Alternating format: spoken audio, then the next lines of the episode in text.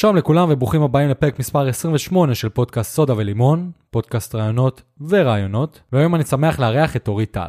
אורי היא צלמת שעוזרת לאנשים לאהוב את עצמם ללא עריכות ופילטרים מיותרים.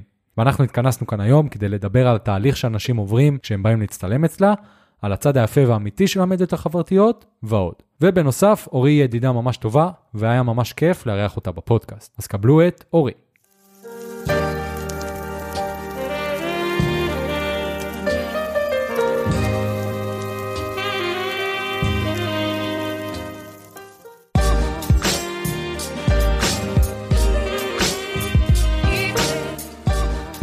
אוקיי, אורי, אנחנו באוויר, מה קורה? בסדר, מה נשמע? שנייה לפני שאנחנו מתחילים, אני מתחיל פה מסורת חדשה שאבא שלי אמר לי לעשות, ואני הופה. מתחיל לפתוח את הסודה ישר בהתחלה של הפרק, כי לפעמים אני שוכח. אז בוא נמזוג לך את הסודה. לרוויה. Mm, אני יכולה גם לשתות כאילו חופשי? כן? כמובן, כמובן. תרגישי בנוח. אז אה. מה קורה? בסדר, מה נשמע? איזה כיף, לא התראינו מלא זמן. כן, נכון. אז כן. אה, אתם לא יודעים, אבל אני ואורי מכירים אה, מלפני כמה שנים?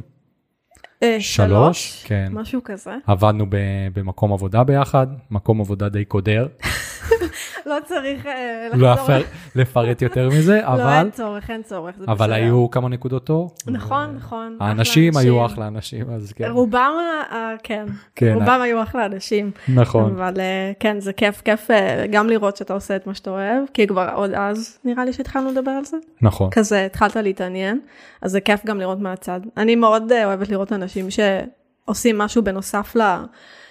למשרד דיי ג'וב שלהם, בוא נגיד את זה ככה. כן, נכון. ומשקיעים בחלום או במה שעושה להם טוב, או גם אם זה תחביב או כל דבר. נכון, זה גם אחד מהדברים שאנחנו הולכים לדבר עליהם היום, נכון. כי שנינו עושים את זה. נכון.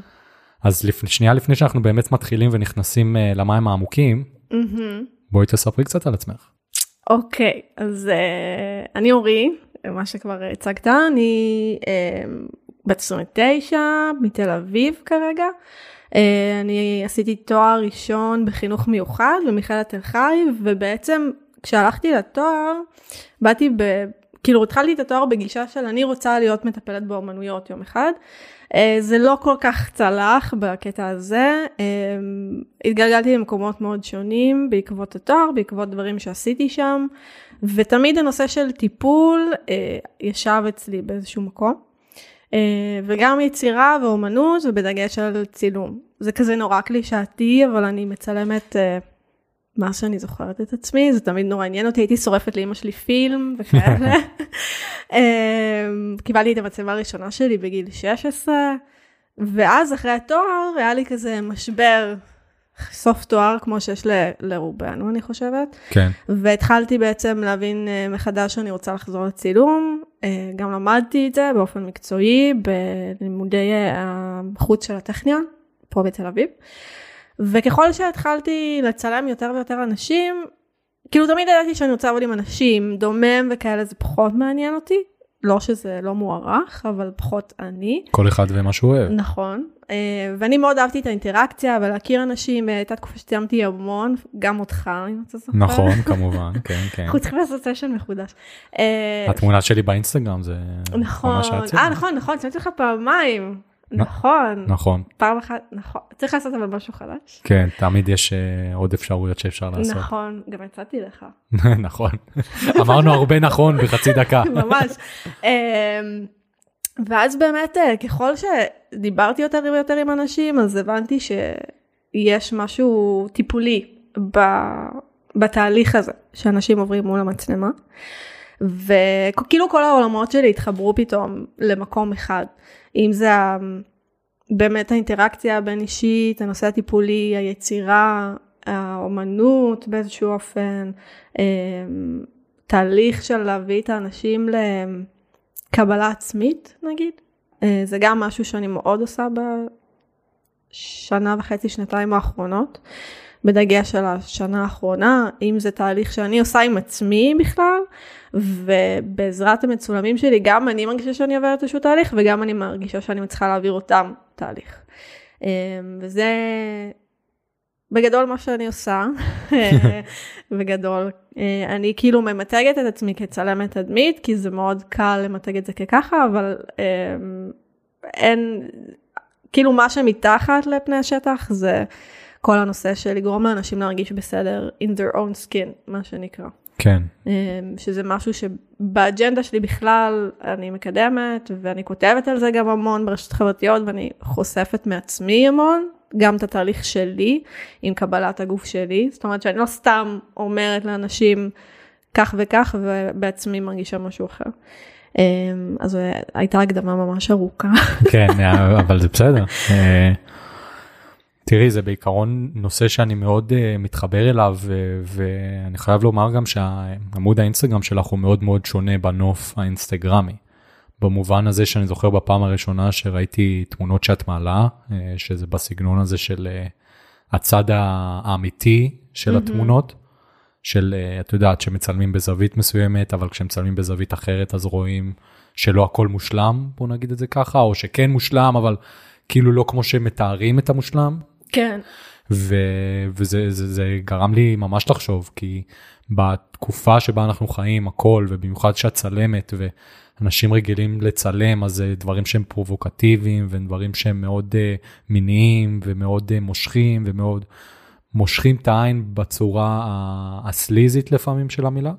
זה באמת לראות את זה בנוף uh, של המדיות החברתיות, משהו שונה. תראה, אני מסכימה, אמ, אני אישית, אני חיה ברשתות החברתיות כי אין לי ברירה, כי אם אני לא אהיה שם, אני לא אהיה קיימת, במיוחד באינסטגרם. אבל אני חייבת להגיד שבתור צלמת אישה, אמ, אני שמה לב שיש המון צלמים גברים שנות, שהם לפעמים נוטים יותר להביא את הצד הפרו, כאילו פרובוקטיבי בצילום עצמו ובאובייקטים שהם נשים לרוב, ואותי זה מאוד מכעיס. אין לי כל כך מה לעשות עם זה, כאילו כנראה שזה איזשהו נישה בעולם, שכאילו בעולם הצילום שברור לי ש... שהיא קורית. ו... וכנראה שהיא לא תיעלם. היא כנראה לא תיעלם, אה, אפשר לראות שזה כבר קיים בעשרות שנים, רק כל פעם זה בא באיזשהו סגנון אחר, אבל אני לפעמים ממש יכולה לראות מתי אישה מצלמת, נניח אישה, ומתי גבר יצלם אישה. וואלה. שוב, אני לא אומרת שזה תמיד בכך דבר רע, אמ, כל אחד ומה שהוא עושה והוא אוהב, לי לפעמים פשוט זה נורא קשה עם העובדה שנורא מחפיצים. אגב, לא רק נשים, גם גברים. כאילו עכשיו יש את כל הנושא של ה-body positive movement, וזה מאוד מדבר על נושא של לכבד את הגוף ולאהוב אותו, אבל רק בפן הנשי. ביום שזה יקרה גם בפן הגברי, שגם גבר שהוא אולי הוא טיפה מקריח, או שהוא לא בהכרח אה, עם סיקס פק, והולך כל יום לחדר כושר ונראה כמו מייקל לואיס, אז כשגם גבר נורמטיבי במרכאות ירגיש שהוא בסדר עם הגוף שלו, ושיהיה גם גברים שהם יהיו אינפלואנסרס בקטע כזה, כמו שיש המון נשים ישראליות ובכלל מעולם, אז אני אדע שיש שינוי. גם כשאני מצלמת גברים, אז אני לא מרגישה שאני יכולה להחפיץ אותם. זאת אומרת, אני חושבת שיש הרבה רבדים בכל בן אדם שאפשר להוציא החוצה בדרך שהיא לא בהכרח מינית. או כאילו, אפשר להוציא מכל אחד את הרוך ואת כן. הבפנים. כן. ו- ואת ו- הצד האמיתי. כן, ו- וזה משהו שהוא מאוד ב social media, שאתה רואה אותו, אמ, את כל הפייק, פייק ניוז, כן. מה שנקרא. שאני גם מאוד מדברת על זה בעיקר בסטורי, כאילו הסטורי שלי באינסטגרם, אה, אני מאוד שמה דגש על הנושא של הפייק. אמ, אני מאוד משתפת גם מכל מיני נשים שאני עוקבת אחריהן, שיש להן תכנים מדהימים ואני ממליצה לכולם לעקוב אחריהן, אמ, שהן באמת אה, מביאות תוכן עם ערך והרבה אהבה עצמית ו- ולהבין שזה בסדר שאם אכלת היום עוגת שוקולד ויש לך איזשהו כפל במותן וכל מיני דברים כאלה. אה, וגם יש מישהי שאני עוקבת אחריה שהיא אמריקאית, אני לא זוכרת את השם, אני אוכל לחפש, שהיא בת איזה 22, 3, משהו כזה, והיא נורא אוהבת, אה, מה זאת אומרת, היא כאילו בעצם עושה כל מיני סרטונים, שהיא מראה פוזות כזה של דוגמניות אינסטגרם, ואיך כזה זה מושלם, ואתה יודע, הכל כזה חטוב ורזה ו- ו- ובפנים ומוצק, ואז תוך שנייה היא פשוט נהיית היא. כן. ו- ו- ואז אתה אומר, אנחנו עוד אנשים מבוגרים שיש לנו איזשהו common sense ויודעים להכיל את זה שכנראה שזה פייק, אבל יש המון המון ילדים וילדות ובני שהם נוער. לא יודעים לעשות את השיקול כן. הזה. בדיוק, וזה נניח משהו שאני אומרת לעצמי, איזה פחד. זה, זה יכול ממש להווה תפיסה של אנשים לגבי גוף.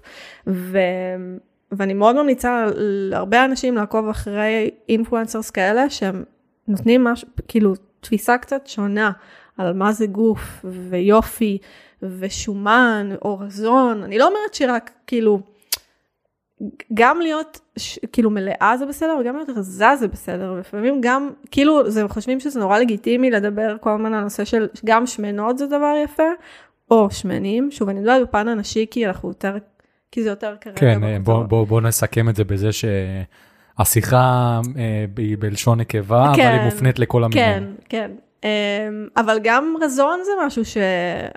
שהוא לא תמיד נתפס כדבר טוב. נכון. פשוט אני יכולה להגיד לך אמ, מישהי שהיא קרובה אליי שהיא ממש ירדה במשקל ממש היא לא היא, היא נורא נורא שדופה והיא לא אוהבת את זה והיא מרגישה רע עם זה. והיינו באיזושהי סיטואציה משפחתית שהגיעו המון אנשים וכולם החליטו לה, כאילו שזה מאוד לגיטימי להגיד לה וואי איך רזית הכל בסדר. וזה כאב לי בשבילה כן. כי מאיפה אתם יודעים מה עובר בן אדם זה בחיים אף אחד לא בא ואומר לי וואי איך החשמנת. אז יש בזה משהו שהוא לשני הצדדים. כן, יש את התפיסות של מה בסדר ומה לא. נכון. ואנשים מסתכלים על זה בצורה כזאת שהיא די אבסולוטית, ואין בעצם, יש אפס ואחד, שחור ולבן. נכון. זה טוב, זה לא טוב. ויש המון המון המון גוונים של אפור באמצע. ברור. ויש לי חברה שקוראים לה מאיה, אה, מאיה אייזק שהיא תזונאית אה, בגישת אלון דיאט, שאנחנו הכרנו בעצם בגלל שמין בארטר והיא הייתה תזונאית שלי והפכנו להיות חברות, והיא גם מאוד חשפה אותי לעולם הזה ואנחנו מאוד מחזקות אחת את השנייה, אה, והיא גם כאילו מדברת המון על הנושא של אוכל זה לא אויב, תאהבו ותכבדו את הגוף שלכם, תנו לו את מה שהוא צריך ואני מאוד מזדהה איתה. מעניין. ובכלל, כל מה שקשור, כאילו, להערות, למשל. אם זה, איך את כזאת רזה, או איך רזית, או, היי, את ממש לבנה, את לא משתזפת אף פעם?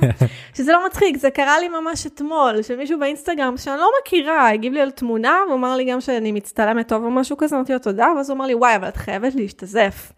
ואני כזה, אני לא יודעת איך להגיב לזה בכלל.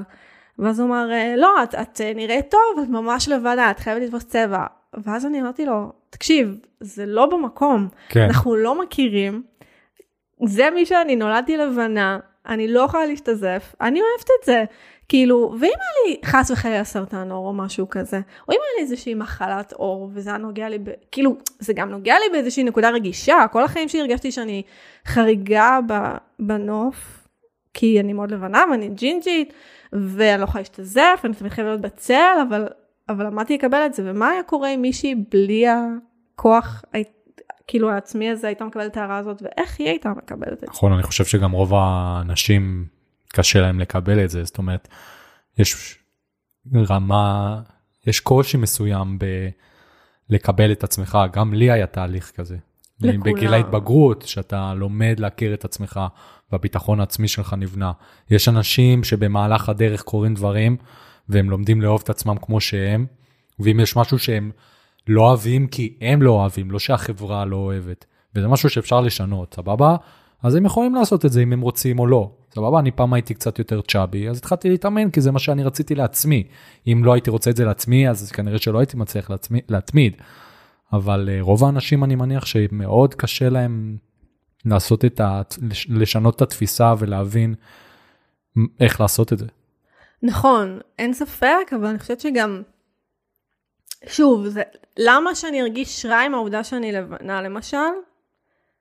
אם ככה נולדתי, או ברור. למה, לא, אבל זה לא ברור, כי זה משהו שהוא חברתי, ו, וזה מה שכאילו בעצם, אה, יש את התנועה הזאת שבאה לשנות עכשיו את כל הנושא הזה של דימוי גוף חיובי, אה, ולאהוב את עצמך, או את עצמך בכל מידה, ו- ואיך שאתה נראה, וצבע, ו- name it, כאילו. כן, ו- ובכלל מודלים, למשל, של מי שמראים לך בפריים טיים, או, או על שלטי חוצות, כאילו מתי יצאו כבר מהתבנית הזאת של, של מידות מסוימות, או של נשים בגודל מסוים, או של נשים שעברו עריכה פסיכית בפוטושופ ועיוותו אותן לחלוטין.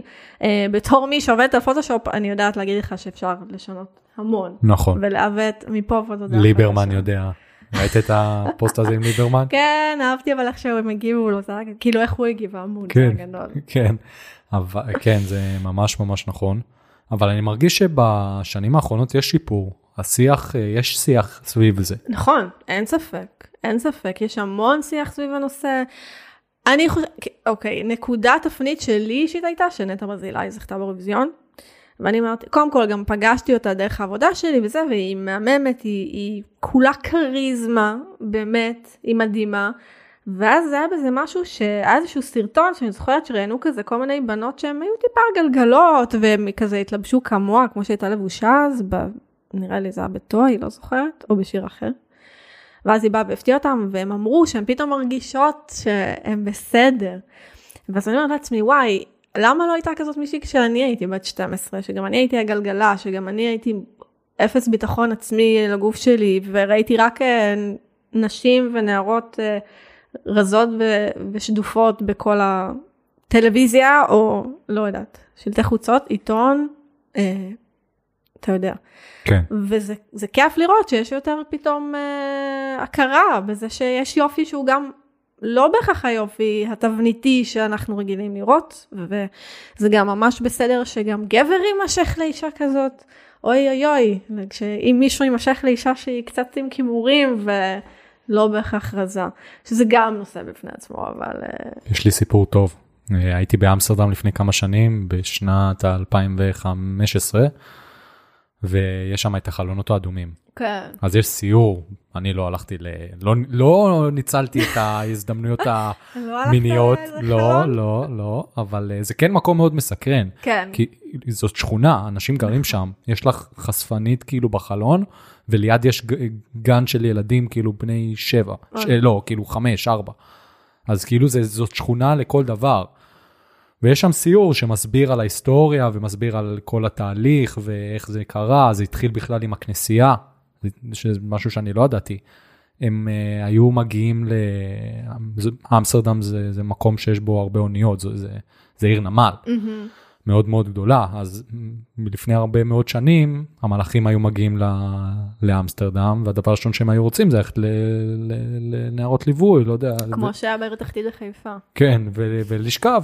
אז הם היו הולכים, משלמים, ואז הכנסייה המציאה קטע, אמרו, בואו תשלמו לנו ואנחנו נסלח לכם על החטאים, אז זה מה שהם היו עושים. אה, נו, ברור. וזה התגלגל. אז, אז, אז הקטע זה שבסיור שמה, הבן אדם שעשה את הסיור, הוא אמר שהוא הרבה מאוד שנים גר, הוא גר בשכונה הזאת, והיה לו כזה מין חלון, ש... כשהוא היה יושב אה, על, על, על עדן החלון ומסתכל החוצה, הוא היה רואה כמה חלונות של, אה, של נערות ליווי.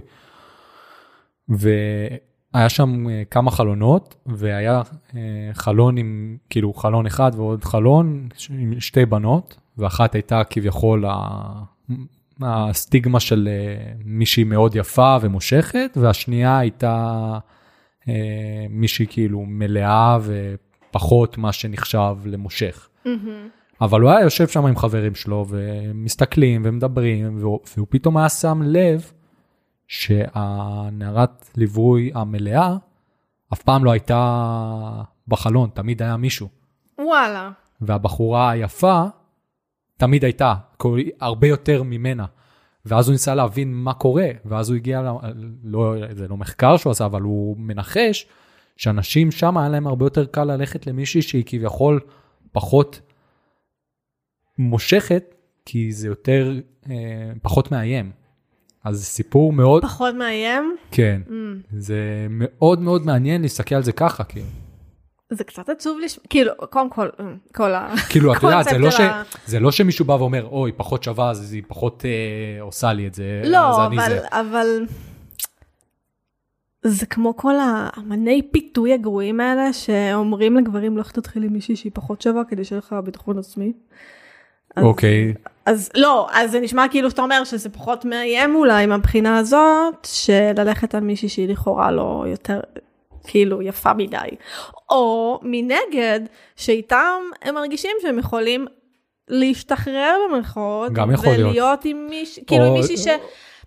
יש הרי שיח על זה שלפעמים כזה, שגברים שהם חטובים ו- ושרירים וזה, שאוי ואבוי, שהם יכולים להסתובב עם מישהי שהיא מלאה, כי זה כאילו כזה לא תואם את ה... הם צריכים להיות עם מישהי רזה ו...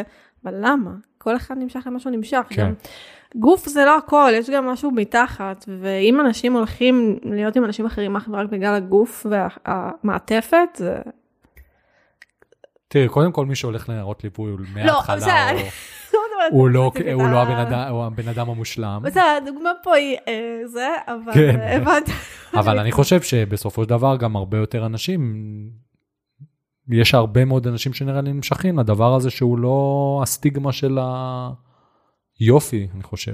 אני חושבת שכל אחד נמשך למה שהוא נמשך, ו- ופה, אבל יש אנשים שמפחדים להודות למה הם נמשכים, זה הקטע. נ- נכון, נכון, אני חושבת שזה גם יותר אצל גברים, כי משום מה זה יהיה נורא מקובל לכאורה לראות אישה שנניח עונה על כל הסטיגמות של מה זה יפה, שתהיה עם גבר נניח שהוא עם קרס וקרח, זה כאילו, זה יראה סבבה.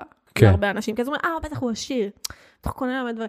כאילו, תמיד זו תפיסה מעוותת, אבל אמ, כל אחד נמשך למה שהוא נמשך, וזה ממש בסדר, ו- וזה זה גם בעיה, וזה נושא אחר לשיחה של עוד שעות, של איך היום אנשים מכירים ועל פי מה אנחנו שופטים, שזה אומר חיצוני, ושוב, זה מחזיר אותנו לכל הנושא של הרשתות החברתיות, ואנחנו חיים על ויזואל שהוא לא בהכרח אמיתי, וגם ההיכרות היום עם כל ה swiping וכל האפליקציות.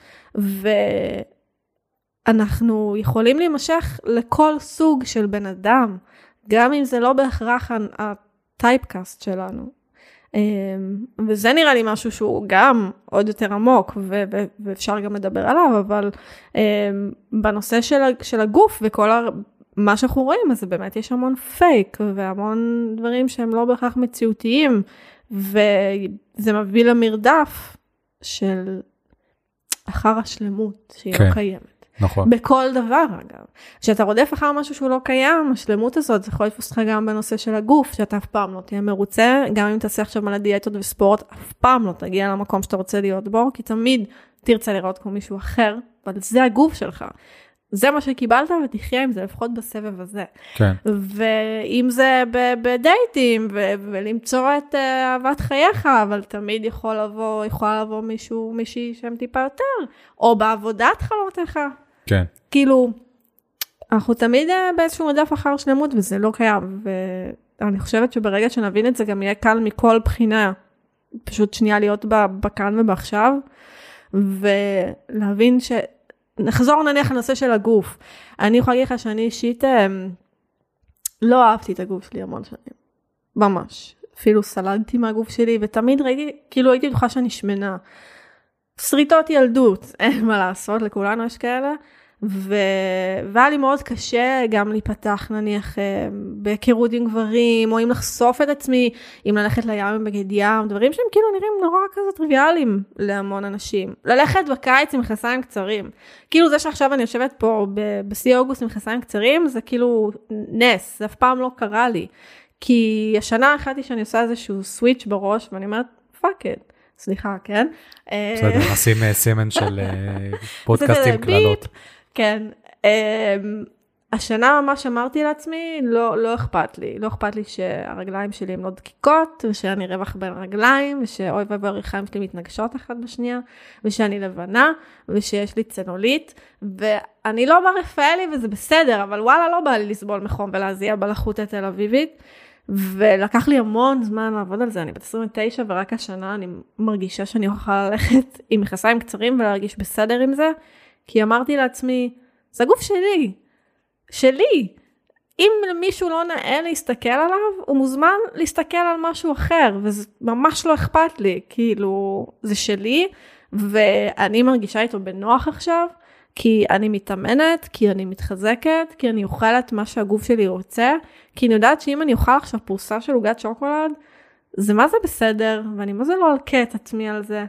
כאילו, אני לא אוכל עכשיו כל היום מתוקים, אבל אם בא לי משהו קטן אז אני אעשה את זה. נכון. וברור שיש לי את הנפילות, לכולנו יש, אני יכולה להסתכל במראה ולהגיד, אה, לא אוהבת את עצמי היום.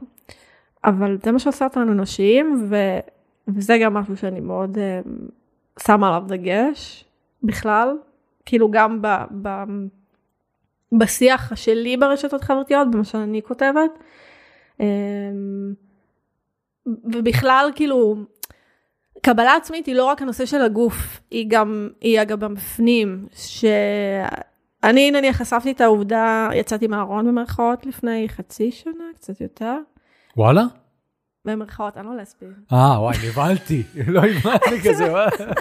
מרכאות, אני כזה, מרכאות. מה? לא, לא, לא. מה? יצאתי מהארון, כתבתי פוסט בפייסבוק. אה, אוקיי, נבהלתי, אני כזה, וואו, וואו, וואו, איך לא ראיתי את זה? יש הפתעות בחיים. לא, לא, לא, אני ממש נמשכת לגברים לצערי. אה, אה, שיצאתי מהארון, so called, ושיתפתי שאני אה, דיכאונית. אוקיי, את זה אני זוכר. כן, שאובחנתי אה, ושאני מטופלת, וזה גם, כאילו, אני חושבת שזה היה קצת לפני הקורונה, אה, ולצערי בקורונה זה לא מדובר מספיק, כל הנושא של בריאות הנפש. ממש לא. אה, דיברו המון על בריאות הגוף, על כמה צריך לעשות ספורט וזה, וגם גם בזה זה נורא עצבן אותי שתמיד אמרו, משמינים ואני משקע, בסדר, אנחנו בשגרה אחרת, אנחנו לא, כשהיינו בסגר, לא היה אפשרות לצאת, היינו בבית, אכלנו יותר, הכל בסדר, כאילו גם אם היינו ש... קילו שניים, הכל ממש בסדר. אני מסתכל אבל על האלמנט הזה של הלהתאמן, ביותר בעובדה שזאת המדיטציה שלי, וזה עוזר לי למנטלי. לא, לא, אני מסכימה איתך, גם אני גיליתי את זה בקורונה על עצמי, אגב, אמ, ש, שזה ממש מכניס אותי לזון טוב, אבל אני אומרת שכל החדשות ומה שראית, אז מאוד כל הזמן כזה דיברו על איך אפשר לאכול בריא עם הילדים ולא לעלות במשקל, כן. אבל אף פעם לא דיברו על הנושא של, של בריאות הנפש. כן. אז זה, זה מאוד כאילו מעורב אצלי גם הנושא הזה, אמ, שזה ממש בסדר לדבר על זה ולהבין שכולנו שרוטים וכולנו חווים דברים וחרדות ודיכאון זה משהו שהוא סופר צומח בשנים האחרונות במיוחד בקרב צעירים וזה כאילו לא מדובר. כל כך הרבה לוקחים ציפרלקס כל כך הרבה ואף אחד לא מדבר על זה ולמה? אף אחד לא נותן את הכלים. יש לי חברות שחטפו התקפי חרדה והן לא הבינו מה הן חוות בכלל וזה מפחיד. וזה שילוב של הכל, של לדעת לקבל את עצמך עם כל הפגמים לכאורה. כן. אני מקווה שאני לא עושה לך יותר מדי מיקס ב... לא, ממש ממש לא. אה, אמ, זה נושא מאוד מאוד מעניין, שאני מעריך מאוד ויש לי חברים ואנשים שאני מכיר שיש להם את הבעיות שאת אומרת, אה, בכל מיני מובנים, וזה מאוד מאוד חשוב. מה שנקרא, נראה לי זה מהפודקאסטים שאומרים אה, מספיק שבן אדם אחד יקשיב ו... ויעשה שינוי קטן, מבחינתי זה, זה שווה כן. את הכל. זה כמו שהיה לפני אה, שבוע וחצי, את המקרה של הבחור אה, שנראה ממש מקסים וקסום שהחליט להתאבד. כן. אמ, כי הוא היה בודד. ואני קראתי את זה והייתה לי צמרמורת, ו... וזה עוד יותר חידד כמה הכל פייק. אנשים גם, כאילו, אני מת... נורא להגיד, אני בטוחה שהרבה אנשים עשו את זה קצת כזה, נכנסתי לו ל... לפייסבוק ולאינסטגרם, כי נורא סקרן אותי לראות מי היה הבן אדם. אוקיי, והוא נראה רגיל לחלוטין. כן, כן, ממש. כאילו נראה טוב, ובחור נאה, ו- וכזה ספורטיבי, וטייל בחו"ל, ו- וזה עוד יותר מחדד את הדברים שאין לך מושג מה קורה באמת? מה קורה באמת. וכמה הכל פייק, אם זה באמת גם הבפנים וגם הבחוץ, ופה אתה רואה מישהו שהוא נראה טוב, ונראה שהוא עושה את הכי הרבה כיף בחיים שלו. ובן אדם לקח לעצמו את החיים מבדידות. איזה דבר נוראי זה. אף אחד לא יכול היה לעצור ולהקשיב לו. וזה כל כך היה עצוב לקרוא, אני קראתי את הפוסט שלו ובאמת היו לי דמעות בעיניים ו... וזה יכול ליפול על הפן הנפשי, זה יכול להיות גם ליפול על הפן הפיזי לפי דעתי. אולי פן פיזי זה פחות, אבל המהות היא שהכל נורא פייק ושום דבר הוא לא מושלם ב... ברור. ברשתות ומה שאנחנו רואים, ולא כולם כנראה מקבלים את עצמם ואוהבים את עצמם, וזה משהו שאני גם מאוד עושה עם המצולמים שלי, נושא של אה, להסתכל על עצמך בזווית קצת אחרת, כאילו לאהוב ולקבל, ולא בביקורת ושיפוטיות. תמיד אני, כאילו אני כזה תמיד עושה איזשהו הסבר והקדמה לפני שאנחנו מתחילים סשן, ואז אנחנו מצלמים קצת עשר דקות, ואז אני באה ומראה להם את התמונות, ואני תמיד אומרת, לא להסתכל על זה במקום שיפוטי ובלי ביקורת ואני לא רוצה עכשיו לשמוע האף שלי ככה והכתף שלי ככה זה לא המטרה. המטרה היא רגע לקרוא את הגוף ולהבין מה אנחנו אוהבים יותר ואיזה צעד אנחנו אוהבים יותר ומה יותר מחמיא וזה תאורה וזה התהליך כאילו שעוברים וכל כמה כאילו מצלמים קצת ואז עוברים על זה ביחד ובוחנים את זה. ואני חושבת שזה כן עושה איזשהו משהו שפתאום אתה צריך להסתכל על עצמך לא בעין ביקורתית. זה קשה, זה כמעט בלתי אפשרי, כן, אבל זה אפשרי. נכון. אני עשיתי את זה גם על עצמי וזה עוד יותר קשה. זה הייתי חושב שאפשר להגדיר אותך בתור אה, צלמת טיפולית. חלום. זה, זה ממש ככה, כי זה, זה מה שאת מתארת פה, שאת אה, כן. מראה לבן אדם ואת עושה איתו תהליך. וגם אני, שאני בן אדם שאני בטוח בעצמי, בצורה שבה אני נראה, ו, והכל טוב, כאילו מהמובן הזה, אני עדיין, כשצילמת אותי, היה לי קשה. קשה לי לראות את עצמי. העובדה, אני, יש לי סרטוני יוטיוב, אני מעלה סרטונים של עצמי כמעט כל שבוע לאינטרנט, אבל עדיין, כשצילמת אותי, היה לי קשה, היה לי משהו בראש שהסתכל אחרת. כי יש הבדל בין להעלות סרטון וידאו שאני מדבר על, אה, לא יודע מה, על כושר, mm-hmm. ושאני לא אכפת לי איך אני נראה, לפעמים אני עם שיער כזה מפולגל, לא אכפת לי בכלל, ולבין לעשות לעצמך תמונה שאתה רוצה להיראות אה, הכי טוב שאתה חושב שאתה רוצה להיראות. משפט מוזר אבל לא זה דווקא הגיוני כן. אמ, אבל זה כל הרעיון ש... שזה לתפוס כאילו את הרגעים האלה כן. שאתה לא בהכרח מושלם בהם אין כזה דבר מושלם, בוא רגע נצא מה... אין כזה שלמות. נכון. זה כמו שצילמתי פעם את חברה שלי ששנינו מכירים ולא נציין את שמה. אוקיי. אה, אתה יודע על מי מדברת. ושאצלה, כאילו, היא תמיד אומרת לי, אוף, העין שלי גדולה יותר מהשנייה. ואז אני אומרת לה... שלי גם, אגב. ואז אני אומרת לה, זה אצל כולם ככה, אנחנו לא סימטרים. וזה מה שמייחד אותנו, וזה בסדר, וכאילו לקבל את זה, או כל דבר קטן. יופי, אז האף שלי רחב, או שהשיער שלי גלי, או מלא דברים, כן? אפשר למנות דברים שליליים מפה ועד הודעה חדשה, אבל בוא ננסה למנות פעם אחת דברים חיוביים במראה שלנו. אני חושב שזה גם מה שעושה את זה יפה. כאילו, זה מה שיפה, העובדה שיש דברים שהם שונים. ברור. והעובדה שיש אי סימטריה. אני ברור. חושב שהדבר היחיד שבאמת, אה, סיפור די מצחיק, אבל הדבר היחיד שאני חושב שהגוף, הדבר החי היחיד שראיתי אי פעם, שמבחינתי הוא באמת מושלם גם סימטרית, זה הכלב שלי. סבבה? באמת? כן, הוא הדבר היחיד. יש לי, את יודעת, יש אה, רגליים, הכל, עיניים, אף, לא יודע מה. הוא אצלו הכל מושלם. מה שיש בצד ימין, אולי אתה כל כך אוהב ש... אותו. לא, כולם אומרים, מה שיש בצד ימין, יש... זה מדהים.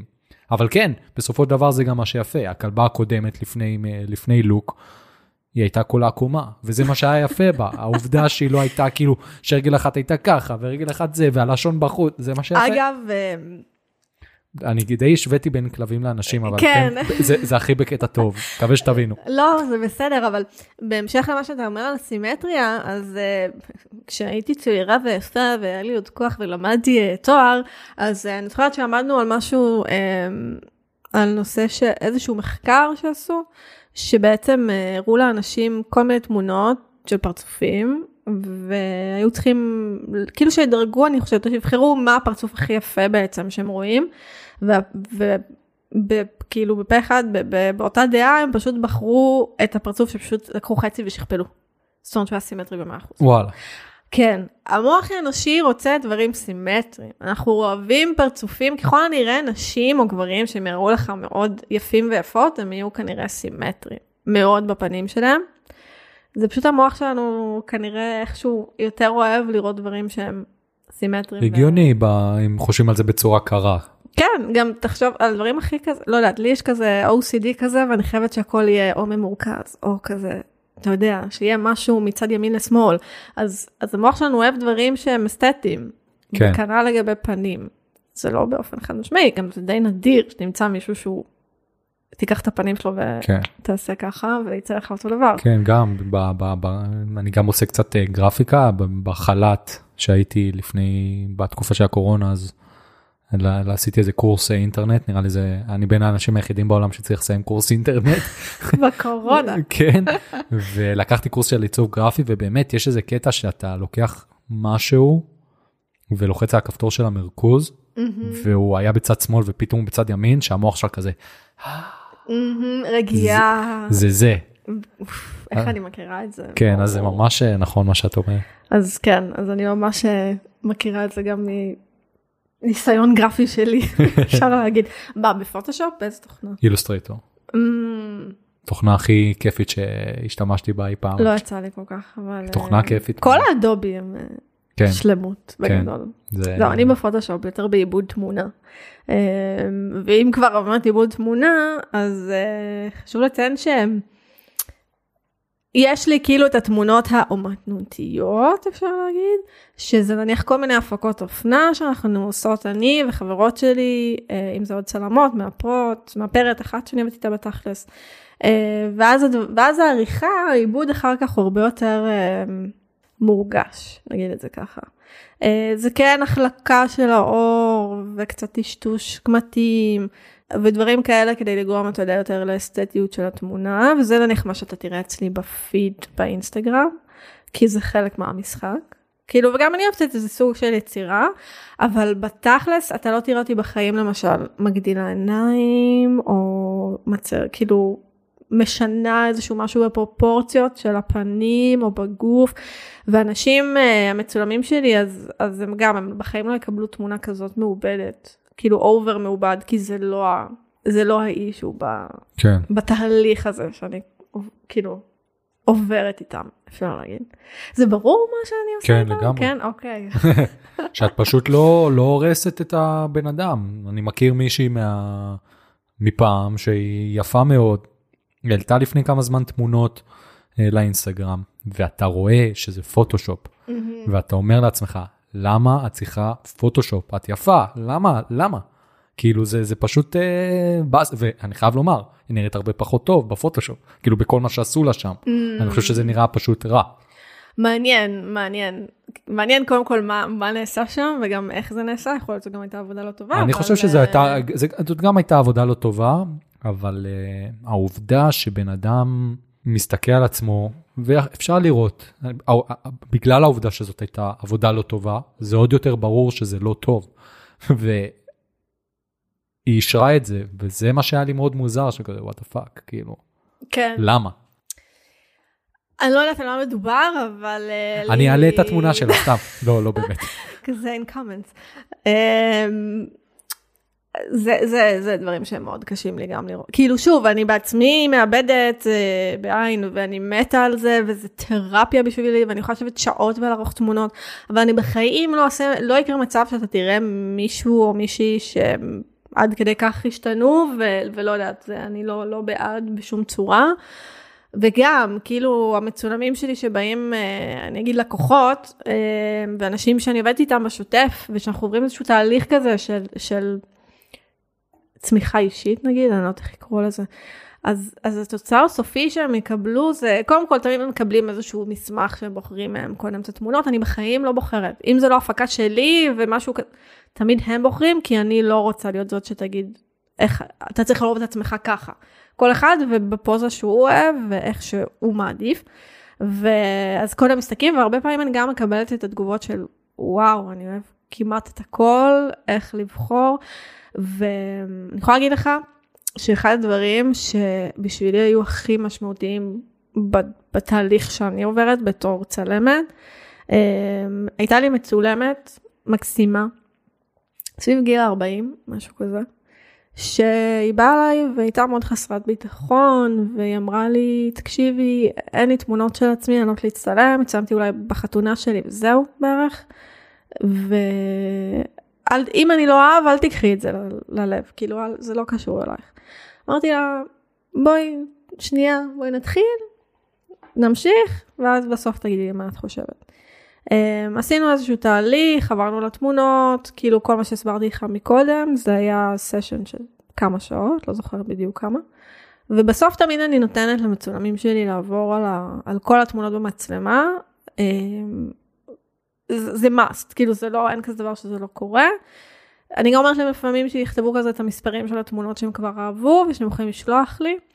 והרעיון הוא באמת, זה כאילו ה, ה, הצעד האחרון בצילומים עצמם, כדי שבעצם יראו את התהליך. ותמיד רואים את התמונות הראשונות, שבן אדם מאוד עצור וסגור, וכזה קפוא, ולא מרגיש בנוח, ואיך שהם משתחררים. נפתחים. כן, ממש. ו- והיא מסתכלת והיא אומרת לי, אורי, אני לא מאמינה שאני אומרת לך את זה, אבל אני אוהבת כמעט את הכל. ואני באותו רגע אמרתי לעצמי, זהו, I can drop the mic, לקום, ללכת, ביי, אני הייתי אני. כן. ועצם העובדה שנתתי לבן אדם אחד להרגיש בנוח עם הגוף שלו, שלה, יותר נכון להגיד, אמרתי זהו, כאילו, זו הייתה הרגשה, זה ממש מקרה שחרוט לי בזיכרון, כי היא כל כך באה סגורה, והייתה מקסימה, והייתה יפה, ו- ו- וכל כך כאב לי שהיא לא ראתה את זה, ו- וכל כך רציתי שהיא תראה את זה. וזה שהיא הצליחה לראות את זה בסוף, מבחינתי זה היה, זהו, זה כזה, everything. אני באמת חושב שאת צריכה לשנות את התואר עבודה שלך לצלמת טיפולית. זה, זה לאט ממש קטע. לאט, לאט לאט, אתה יודע. חשבת על זה? לא, זה לחלוטין הכיוון, זה הכיוון לחלוטין. יש דבר כזה כאילו? אמ, כי לא שמעתי על זה לפני. יש, יש, אה, זה יותר צלמות, אה, מפתיע, שאני מכירה שהם גם, אה, יש צלמת שאני מכירה שהיא עובדת עם נשים, שגם הרעיון הוא באמת העצמה, זה כאילו גם תדמית, אבל גם חלק כאילו נושא של העצמה אישית. אני לא יודעת כמה זה בשוק, כאילו אני מכירה אני אחותה ועוד כמה, אבל זה לחלוטין הכיוון. מאוד מאוד מעניין. כן, וזה גם כיוון טוב של לקחת את המדיה, כי בסופו של דבר אה, כולם יוצרים תוכן ומעלים תמונות של עצמם ותמונות של דברים, וזה רוב האנשים. כן, ולחנך, אם אפשר לקרוא לזה ככה, אנשים לצלם את עצמם ולצלם את הדברים במבט שהוא יותר נקי ולא מנסה להיות משהו שהוא לא, אני חושב שזה מאוד מאוד uh, מעניין. נכון, אגב אני חושבת שאפשר גם ממש להעלות דברים שהם לא סבבה, כאילו בקטע, לא, מה זה לא סבבה? לא הכל טוב ויפה ולא הכל שמח, ואנחנו לא קמים כל יום עם חדי קרן שזרקים לנו את השיער, אני יודעת, זה ממש לגיטימי לשתף לפי דעתי ברשתות חברתיות גם את הדברים שהם קצת פחות כיפים, כמו היי עולם, יש לי דיכאון. או היי עולם, קמתי היום על צד שמאל ויש לי כאבי בטן ואני מרגישה לא טוב ולא הכל זורם לי היום.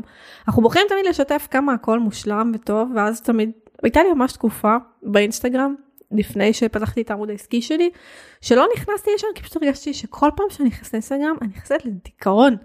כן. כאילו כולם החיים שלהם כאלה מושלמים ומה אני יושבת פה בבית ורואה נטפליקס עם עצמי, לא שזה רע, זה ממש נחמד. אבל זה תמיד נותן לך הרגשה של הפומו, כאילו, כן. שכולם טורפים את העולם ואני פה עם עצמי, שותה קפה בבית. לגמרי. ווואלה, ובאיזשהו שלב הבנתי שזה מה זה בסדר, כאילו כן. למה אנחנו תמיד מרדף אחרי משהו שהוא... ואני חושב שזה גם בסדר, יש הרבה מאוד אנשים שבמהלך הדרך, דמויות שאני לא באמת מכיר אותם, את יודעת, כל ה... דוגמנים ודוגמניות mm-hmm. והאנשים שאתה אוסף במהלך החיים שלך במדיות. זה ממש כיף למחוק את האנשים האלה מהחשבונות, אני חייב לומר. לחלוטין. זה אחד מהדברים הכיפים, יש לי חבר שהוא המציא שיטה, זה בתקופה של הפייסבוק יותר, שזה היה יותר הקטע של המגניבים, להיות בפייסבוק. היום זה הזקנים. כן, אז שכל פעם שמישהו היה מקבל, כאילו כל יום הוא מקבל למי יש יום הולדת היום, אז זאת הייתה השיטה שלו לנפות אנשים. אה, יפה. מבינה? חכם מאוד. כן, ככה הוא היה עושה, הוא היה, אה, אותו לא, לא, לא באמת מכיר, אותו סתם מישהו, את יודעת, זה ככה לאט לאט. כן. אז, אז אני מאוד ממליצה גם לעשות את זה גם באינסטגרם, אחרי כן. אנשים שמעלים תכנים שחרטא, וזה לא אמיתי, ואחרי כל הדוגמניות האלה שסתם מסכנות, כן, אבל, אבל אנשים שמעלים תוכן שהוא פייק ושיט, ולעקוב אחרי אנשים כמו, אה, יש את ה... לא יודעת אם אתה מכיר את הקבוצה בפייסבוק, אתה גבר, אז אני לא יודעת אם תכיר, קוראים לזה השמנמנות של זוריק. לא. אוקיי, okay. אז אם יש נשים ששומעות אותנו עכשיו, אני מאוד ממליצה להיכנס לקבוצה הזאת. אה, זה אישה בשם אה, זוהר זוריק, שאני לא זוכרת את שמה המלא, שתסלח לי, שהיא ועוד כמה הקימו את הקבוצה הזאת. זה התחיל כמקום בטוח לנשים מלאות, ש... יכולות בעצם לדון על נושאים, על נושא של אופנה ולבוש ולהרגיש שיש להם מרחב בטוח, ואחרי כמה זמן זה נפתח לכל האנשים בכל המידות, כי הן הבינו שגם נשים שהן מידה 32, 4, 6 יכולות להרגיש מאוד לא בנוח עם הגוף שלהן, וזה קורה. זה פסיכולוגי לגמרי. כן, אמרתי לך גם מקודם שיש רזון, יש, יש כל הספקטרום. אמ, הרעיון הוא ליצור מרחב בטוח לנשים, להרגיש שהן יכולות לשתף במה הן לבשו ובבגדי ים וכאלה, והמון נשים שם אה, אה, מרגישות שהן לראשונה יכולות אה, למשל ללכת עם בגד ים בביטחון בזכות הקבוצה. אז היא למשל, זוהר, יש לה אה, גם אינסטגרם, אני עוקבת אחריה, והיא מדהימה, והיא ועוד עוד כל מיני, יש גם בחורה בשם אה, נעמה פלד, אני חושבת, ועוד היה, ועוד כל מיני נשים כאלה ש... נשים שמגדירות עצמן כנשים שמנות או מלאות והן אומרות שזה בסדר להיות שמנה וללכת עם ביקיני וזה בסדר להיות שמנה ו- ו- ולהיות מינית וזה בסדר להיות שמנה ושיש לך אה, בעל וילדים ו- אה, ואני, והיא גם אומרת כאילו תעקבו אחרי אה, אנשים שעושים לכם טוב כן. כאילו אנשים שמברים תוכן שוואלה אתם רואים את זה ואתם אומרים נכון ולא למה אני לא כזאת. כן. תלוי, יש אנשים שהם עושים דווקא טוב בקטע הזה. לא, כן, אבל אתה מבין, של, של אנשים שהם... שהם דאונרים, כאילו, שהם גורמים לך להרגיש לא טוב עם עצמך כל הזמן. כן, או שהתכנים שלהם, תכנים כן. ש... דוגמנית או דוגמן שעכשיו יושבים לך באיזה, לא יודעת, ביזה על חוף, שותים כן. קוקטייל, וזה לא, וזה, או כל דבר אחר, כמה חיים שלהם מושלמים וכמה אתה רחוק מזה שנות אור. אז אני מאוד ממליצה, יש המון כאלה, יש המון גם דוגמניות פלאס סייז שהן גם מקדמות את זה, אה, אשלי גרם, מדהימה, כן. מהממת, אני מעריצה אותה. אני חושב גם יש לה ערוץ יוטיוב ממש טוב. אה, לא מכירה, אני בעיקר עוקבת אחריה באינסטגרם, והיא מדהימה, כן. ממש. אה, ושוב, וכבר אמרתי את זה בהתחלה, ואני אגיד שוב, שביום שבו גם גברים ירגישו שיש להם מרחב בטוח, אז נראה לי שעשינו את שלנו. אבל לא גבר, אז אני לא יודעת, אז אתה יכול אה, להגיד. כן, אני, רוב האנשים שאני מכיר, חברים קרובים, אז יש מעט מאוד אנשים שאני מכיר שיש להם באמת היה במהלך הדרך עם הגיל, בגיל ההתבגרות נראה לי כולם עוברים את זה, לא משנה מי. אבל לאט לאט הם התבססו והם הבינו לאהוב את עצמם. אבל אני חושב שזה באמת דרך נפלאה לסכם את החלק הזה של הפודקאסט, אה, ובאמת לתת לאנשים את ה... אולי את ההבנה הזאת ש... שהכל טוב, שאיך שאתם עכשיו זה, זה בסדר, ואם אתם אוהבים את עצמכם אז הכל בסדר ולא צריך לחשוב על אחרים, ו... ו... וזה הכל. אז יאללה, אה, יצא לך להקשיב לפרקים של הפודקאסט? אה, טרם, אני מודה. אוקיי, אז זה טוב, כי עד אה, עכשיו אם לא הקשבת, אז את לא יודעת שיש שאלות כלליות. או. זה תמיד אני אוהב שאנשים לא מקשיבים. או, אוקיי. נתחיל. שאלה ראשונה, אם לא היית עוסקת במה שאת עוסקת היום, בשום צורה, מה היית עושה? כאילו בצילום או... מה היית רוצה לעשות? בצילום, בכללי.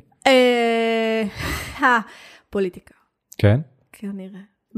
כאילו, כן ולא, אמ, אבל כן להיות, הייתי באגודת סטודנטים כשהייתי בלימודים בתל חי, ומאוד אהבתי להיות חלק מתוך משהו שהוא גדול ממני. להגיד פוליטיקה זה מאוד קשה, יש לי סלידה מאוד מהעולם הזה, אני לא יכולה, אבל להרגיש שאני עושה שינוי חברתי יותר רציני. אבל כרגע הספיק לי התקופה ההיא, אז... כשאני אתפור קצת ניסיון בחיים שלי, מה אני? אני במבה, מה אני עד 29. אה, ותישארי בצילום בינתיים. השאיפה היא להיות רק בצילום, כן. מדהים. כן. איפה תהיי עוד 15 שנה? מתקשר. וואו, אה, איפה אני עוד 15 שנה? אני מאוד מקווה שיהיה לי את הסטודיו הגדול שאני חולמת עליו, ושאני אוכל אה, להיות באיזשהו שיתוף פעולה עם תזונאית או משהו כזה, או תזונאי, ואנשים שמקדמים uh, את כל הנושא הזה של uh, קבלת הגוף והנפש והכל, ולגרום לאנשים לעבור איזשהו תהליך uh, כזה, רק גדול יותר. לא נשמע שאת הולכת בכיוון הזה באמת. אני ממש מקווה. כן. האם היית עושה משהו שונה בחיים שלך, ואם היית יכולה לחזור אחורה בזמן ולתת לעצמך עצה, מה היית אומרת? שזה די מתקשר לכל מה שדיברנו פה, אז... אה, אה, כמה אחורה. כן. סתם, אה, אני חושבת שהייתי אומרת להורי בת ה-12, שזה ממש בסדר שהיא קצת גלגלה. אני חושבת ש... שהייתי אומרת לה, את, להורי בת ה-18, את לא שמנה, היום אני מסתכלת על התמונות שלי אחורה ואני מפגרת, לא הייתי שמנה, הייתי רזה. אמ, אבל תכלס, כאילו, אני חושבת שלא הייתי רוצה לשנות שום דבר בחיים שלי, כי זה מה שהביא אותי למה שאני היום. וכל בחירה שעשיתי אה, הביא אותי למקום שאני נמצאת בו היום, ולניסיון שיש לי היום. אולי איזה מערכות יחסים פה ושם. וגם משהו אחר. אם היית יכולה לשבת לכוס סודה או כוס של כל משקה אחר שאת אוהבת עם מישהו, שיכול להיות שהוא כבר uh, מת, ויכול להיות שהוא חי, מה שאת רוצה, עם מי היית רוצה לשבת? וואו, איזה שאלה קשה. Mm. זה יישמע כזה תלוש רגע, אבל um, הייתי מאוד רוצה להיפגש עם סבא שלי שהוא היה צעיר.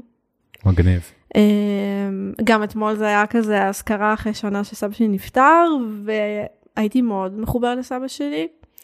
וסבא שלי היה בן אדם סופר uh, אופטימי, סבא שלי היה שריד שואה, ו- וכזה הקים את הכל מאפס, ואתה יודע, uh, בלי שפה, הם הגיעו לארץ והכל, ו- ובזכותו יש לנו כזה, אתה יודע, את כל הבסיס החיים, וסבא שלי היה פשוט בן אדם, הוא תמיד ראה את הטוב, הוא תמיד היה צ'יל, וכאילו, לצערי, אין לי זיכרון מסבא שלי של, של מישהו שהוא פעלתן או צעיר, או אתה יודע, כזה כן. הוא נפטר בגיל כמעט 96. ואם הייתי יכולה, הייתי רוצה לדבר עם סבא שלי כזה, כשהוא צלול, ולדבר איתו על החיים.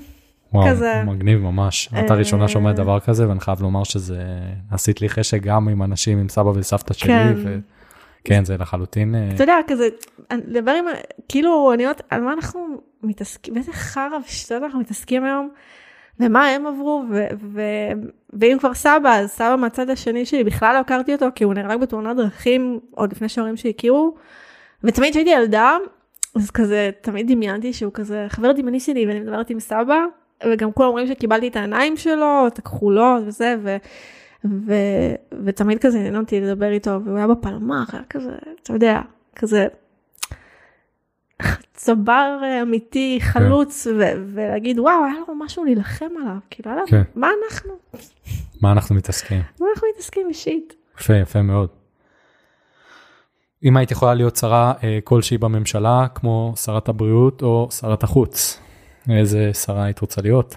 ולמה? אני מרגישה שאנחנו הולכים לכיוונים לא טובים כל כך.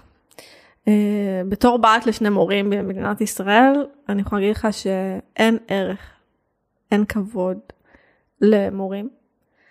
אני, אני בתור ילדה ונערה התביישתי תמיד להגיד שההורים שלי מורים, כי זה כאילו גם אומר משהו למעמד הסוציו-אקונומי שלנו, וכל מיני, כאילו נורא התביישתי, ואני אומרת זה הכי בכבוד, ההורים שלי מורים. ומורים אהובים ומוערכים והם על חינוך של הדור הצעיר ואני רואה ושומעת ויודעת כמה הם עובדים קשה וגם בקורונה הם עבדו עוד יותר קשה, באמת. ואני חושבת שמשהו צריך להשתנות במדינה הזאת בכל מה שקשור לחינוך החל מגן ועד ל- לתיכון וגם האקדמיה, שזה כבר גם נושא בפני עצמו. ואני פשוט מרגישה שיש זלזול נורא גדול. צריך אה. כפתור ריסטארט, למצוא איפה הוא נמצא. ממש, ממש. פשוט אה, צריך לזכור שבסופו של דבר זה, זה, זה, זה דור העתיד, ואם הם לא מקבלים את החינוך הראוי ואת הכבוד ואת מה שצריך, אז מי יהיה פה להנהיג את המדינה בעוד 40 שנה, משהו כזה. כן. אה, אז כנראה שזה. האם את עושה כושר, ואם כן, איזה סוג? Mm, אני כן. Uh, בחיי אף פעם לא הייתי ספורטיבית, עד... זה תמיד היה אישו אצלי כזה ששנאתי ספורט וזה ואני לא ספורטיבית אה, ואני לא יודעת לרוץ ופה אה. ואז כשהגעתי לתל אביב התחלתי להתאמן כזה פילאטיס ובקורונה אה, התחלתי להתאמן בבית עם אפליקציה מעולה ששמה? אה, The Sculpt Society by Megan Rope. אני חושבת שמעתי את זה נכון. היא אמריקאית והיא מדהימה והיא מושלמת, וזה שילוב של קרדיו, זה כאילו המון כזה קפיצות וריקודים, אה, והמון קרדיו, ויש גם המון חיטוב, ויש כאילו אימונים של עשר דקות וחצי שעה ושעה. וזה מדהים, ו- ואפילו היום באתי ישר מהעבודה ואמרתי, אין מצב שאני לא עושה אימון, אני חייבת כזה להתרענן רגע, איזה יופי. חצי שעה של לרקוד ולהזיע ולמות, מקלחת ולבוא לפה, ואני ממש ממליצה בחום. אני, זו פעם ראשונה בחיים שלי, שאני יכולה להגיד שאני אוקיי, טיפה יותר בכושר, ואני עושה את זה כי אני ממש אוהבת את זה, ואני עושה את זה עוד לבד בבית, בלי שום מסגרת. 70 שקל בחודש, וואלה, שווה כל שקל. והתחלתי לקנות כזה גם משקולות וכאלה, ו- וזה פשוט מה שאמרתי קודם, שברגע שאתה נותן לגוף שלך את הכבוד, הוא מחזיר לך, ו- וזה פשוט פעם ראשונה שאני מבינה על מה כולם מדברים. איזה יופי. זה מדהים, ממליץ, באמת, ו... כן. כן, אני ממש. גם, אני בן אדם שמאז ומתמיד אה, מתאמן בבית, Mm. ולגמרי, זה... כן, אני זוכרת שהיית מספר לי שאתה עושה אימונים אה, לפני עבודה, כן, ואני כזה, איך אתה מספיק? על הבוקר. כן, זה עד היום שואלים אותי איך אני מספיק, זה אה, אבל לקום זה הרבה יותר קל. זה זה- אני חושב שבתור מישהו שפעם היה מתאמן רק בערב, והיום מתאמן כאילו גם וגם, או רק בוקר, או מה, לא משנה, מתי בבוקר אבל? קם, שעה, שעה וחצי, אם במקום לקום רבע שעה לפני שאני צריך לצאת, אני קם אה, שעה, שעה וחצי לפני. מה, זה כזה. שש בבוקר? לא, אני צריך להגיע לעבודה בתשע, אז אני קם בשש וחצי, שבע, לפעמים שבע וחצי, אם אני כזה אחרי, אחרי אה, לילה קשוח של עריכת פודקאסטים ויוטיובים ואני יודע מה. בדברים כיפים. כן, זהו, אני ממש לא טובה בלקום בבוקר, זו הבעיה שלי. אה, ממש, אני כאילו עם סנוזים שעה וחצי. כן, זה לא קל. זה, זה לא קל, אבל אמן, אמן והייתי כמוך, אמן. לא, זה נראה לי שתביני- דרך מדהימה לפתוח את היום. אני יודע שברגע ששיר תקשיב לפודקאסט, שיר חברה שלי, היא תצחק, כי תמיד היא רואה את הצד, ה, מה שנקרא, הצד האמיתי, שקשה לי לקום, Mm. ולפעמים אני כזה, אה, אני הולך, אני, זה כאילו, שוב פעם, בגלל שאנחנו מדברים פה על כנות, אני ממש לא מושלם. מאוד קשה לי לקום, והרבה פעמים אני לא מצליח. אז זהו, שיר, עכשיו את לא יכולה לצחוק עליי. רגע, היא גם מתאמנת איתך? לא, היא קמה בחמש וחצי כדי ללכת לעבודה, טוב, אנחנו לה את הכבוד שלה. היא מסתכלת עליי מלמעלה. לחלוטין. לחלוטין. כן, לא, זה קשה, אבל אה, אמן ואני צריך להיות כזאת. כן. זה גם, תמיד מרגיש לי כזה, איזה בזבוז של זמן. אני יכולה להתאמן בבוקר, ואז כל הערב כאילו פנוי. לגמרי. זה מדהים, אבל צריך למצוא איכשהו דרך להעיר אותי, אני לא יודעת אם יש לך שיטה, אם למישהו יש שיטה איך לקום בבוקר, אז אה, ספרו לי.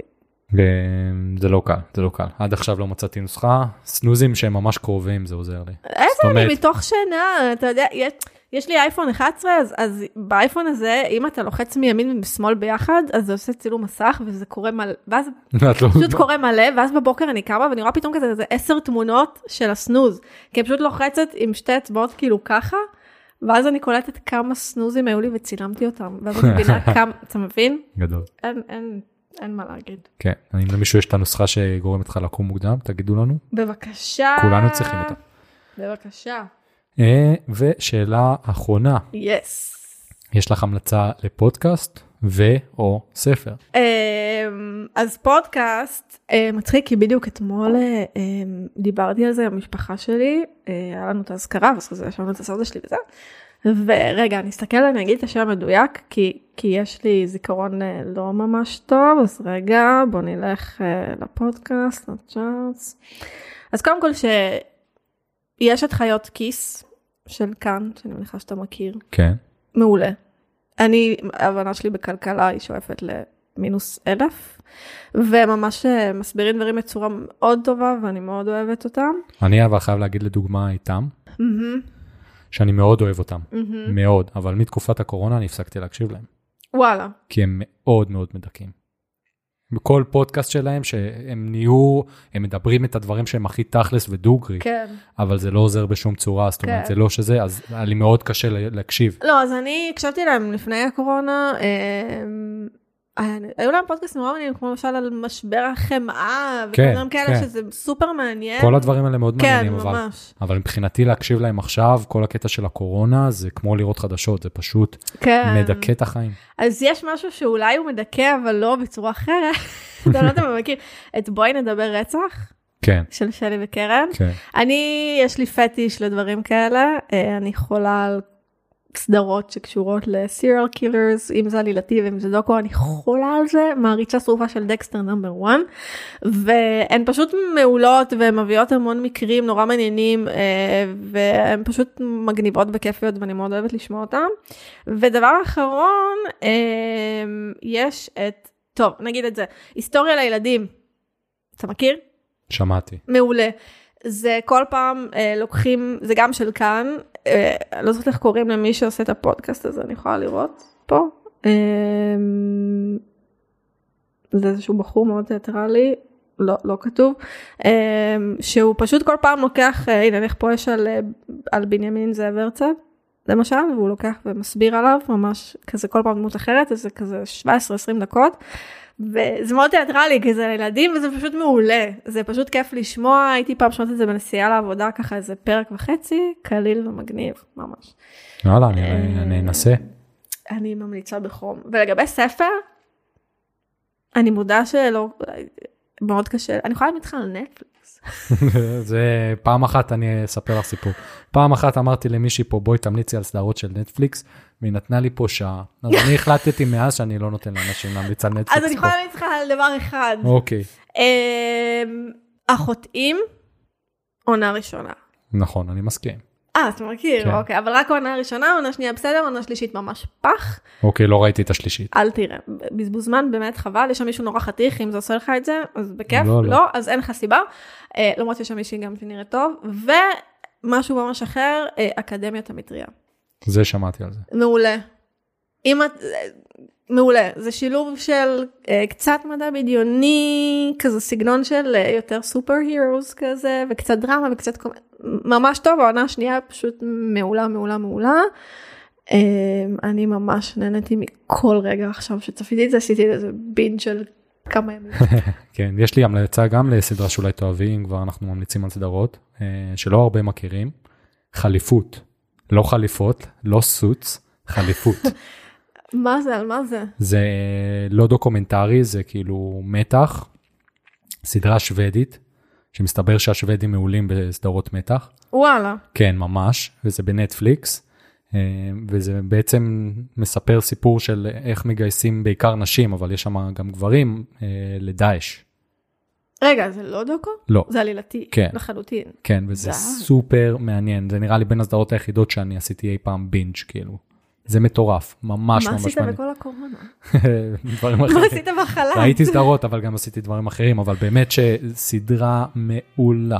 אז אני ממליץ לך בחום. בנטפליקס. כן יאללה, אני בדיוק עכשיו רואה איזה סדרה ממש מטופשת, אז שאני אסיים אותה. את לא אז, מבינה אה, אפילו זה מטורף כל כך אה, מעניין. וואו, רגע, אז אני חייבת להמליץ על עוד משהו אחד, על הכתר. ברור. ברור, אוקיי, זה כאילו obvious. כן. אבל מי שלא רואה, לרוץ, לראות. בכלל, כל מה שקשור למלוכה.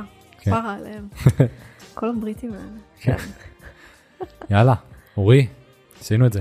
כן, היה לי ממש כיף, תודה. אני מקווה שמישהו אה, הקשיב והפנים, מישהי, כן. ו- ושאיכשהו הצלחנו לגעת במישהו out כן. there. אה, דבר לגמרי דבר אחרון לפני שאנחנו מסיימים. אה, איך אנשים יכולים לעקוב אחריך. אה, אז אני באינסטגרם, אה, אורי או.אר.איי, שלושה מקפים תחתונים טל. אה, בגדול אני מאוד פעילה שם, יש לי גם אתר, אורי מקף טל דוט קום. זה יותר תיק עבודות, ואני בעיקר באינסטגרם. כן. ואם מישהו לא מוצא תשלחו לי הודעה ואני אפנה אתכם. ייי, אז יאללה תודה רבה תודה, היה ממש כיף. גם לי. ותודה רבה לכם המאזינים שהקשבתם לפרק מספר 28 של פודקאסט סודה ולימון, פודקאסט רעיונות ורעיונות. כמו תמיד, אם נהניתם ממה ששמעתם, תספרו לחברים שלכם, אם לא נהניתם, תגידו לי כדי שאני אלמד ואוכל להשתפר. ואם אתם מעניינים בעצמכם, שלחו לי הודעה ובואו לפודקאסט, בואו נדבר על זה. עד הפעם הבאה, אני הייתי יאיר פישביין, הייתי כאן עם אורי טל, יאללה ביי. Bye.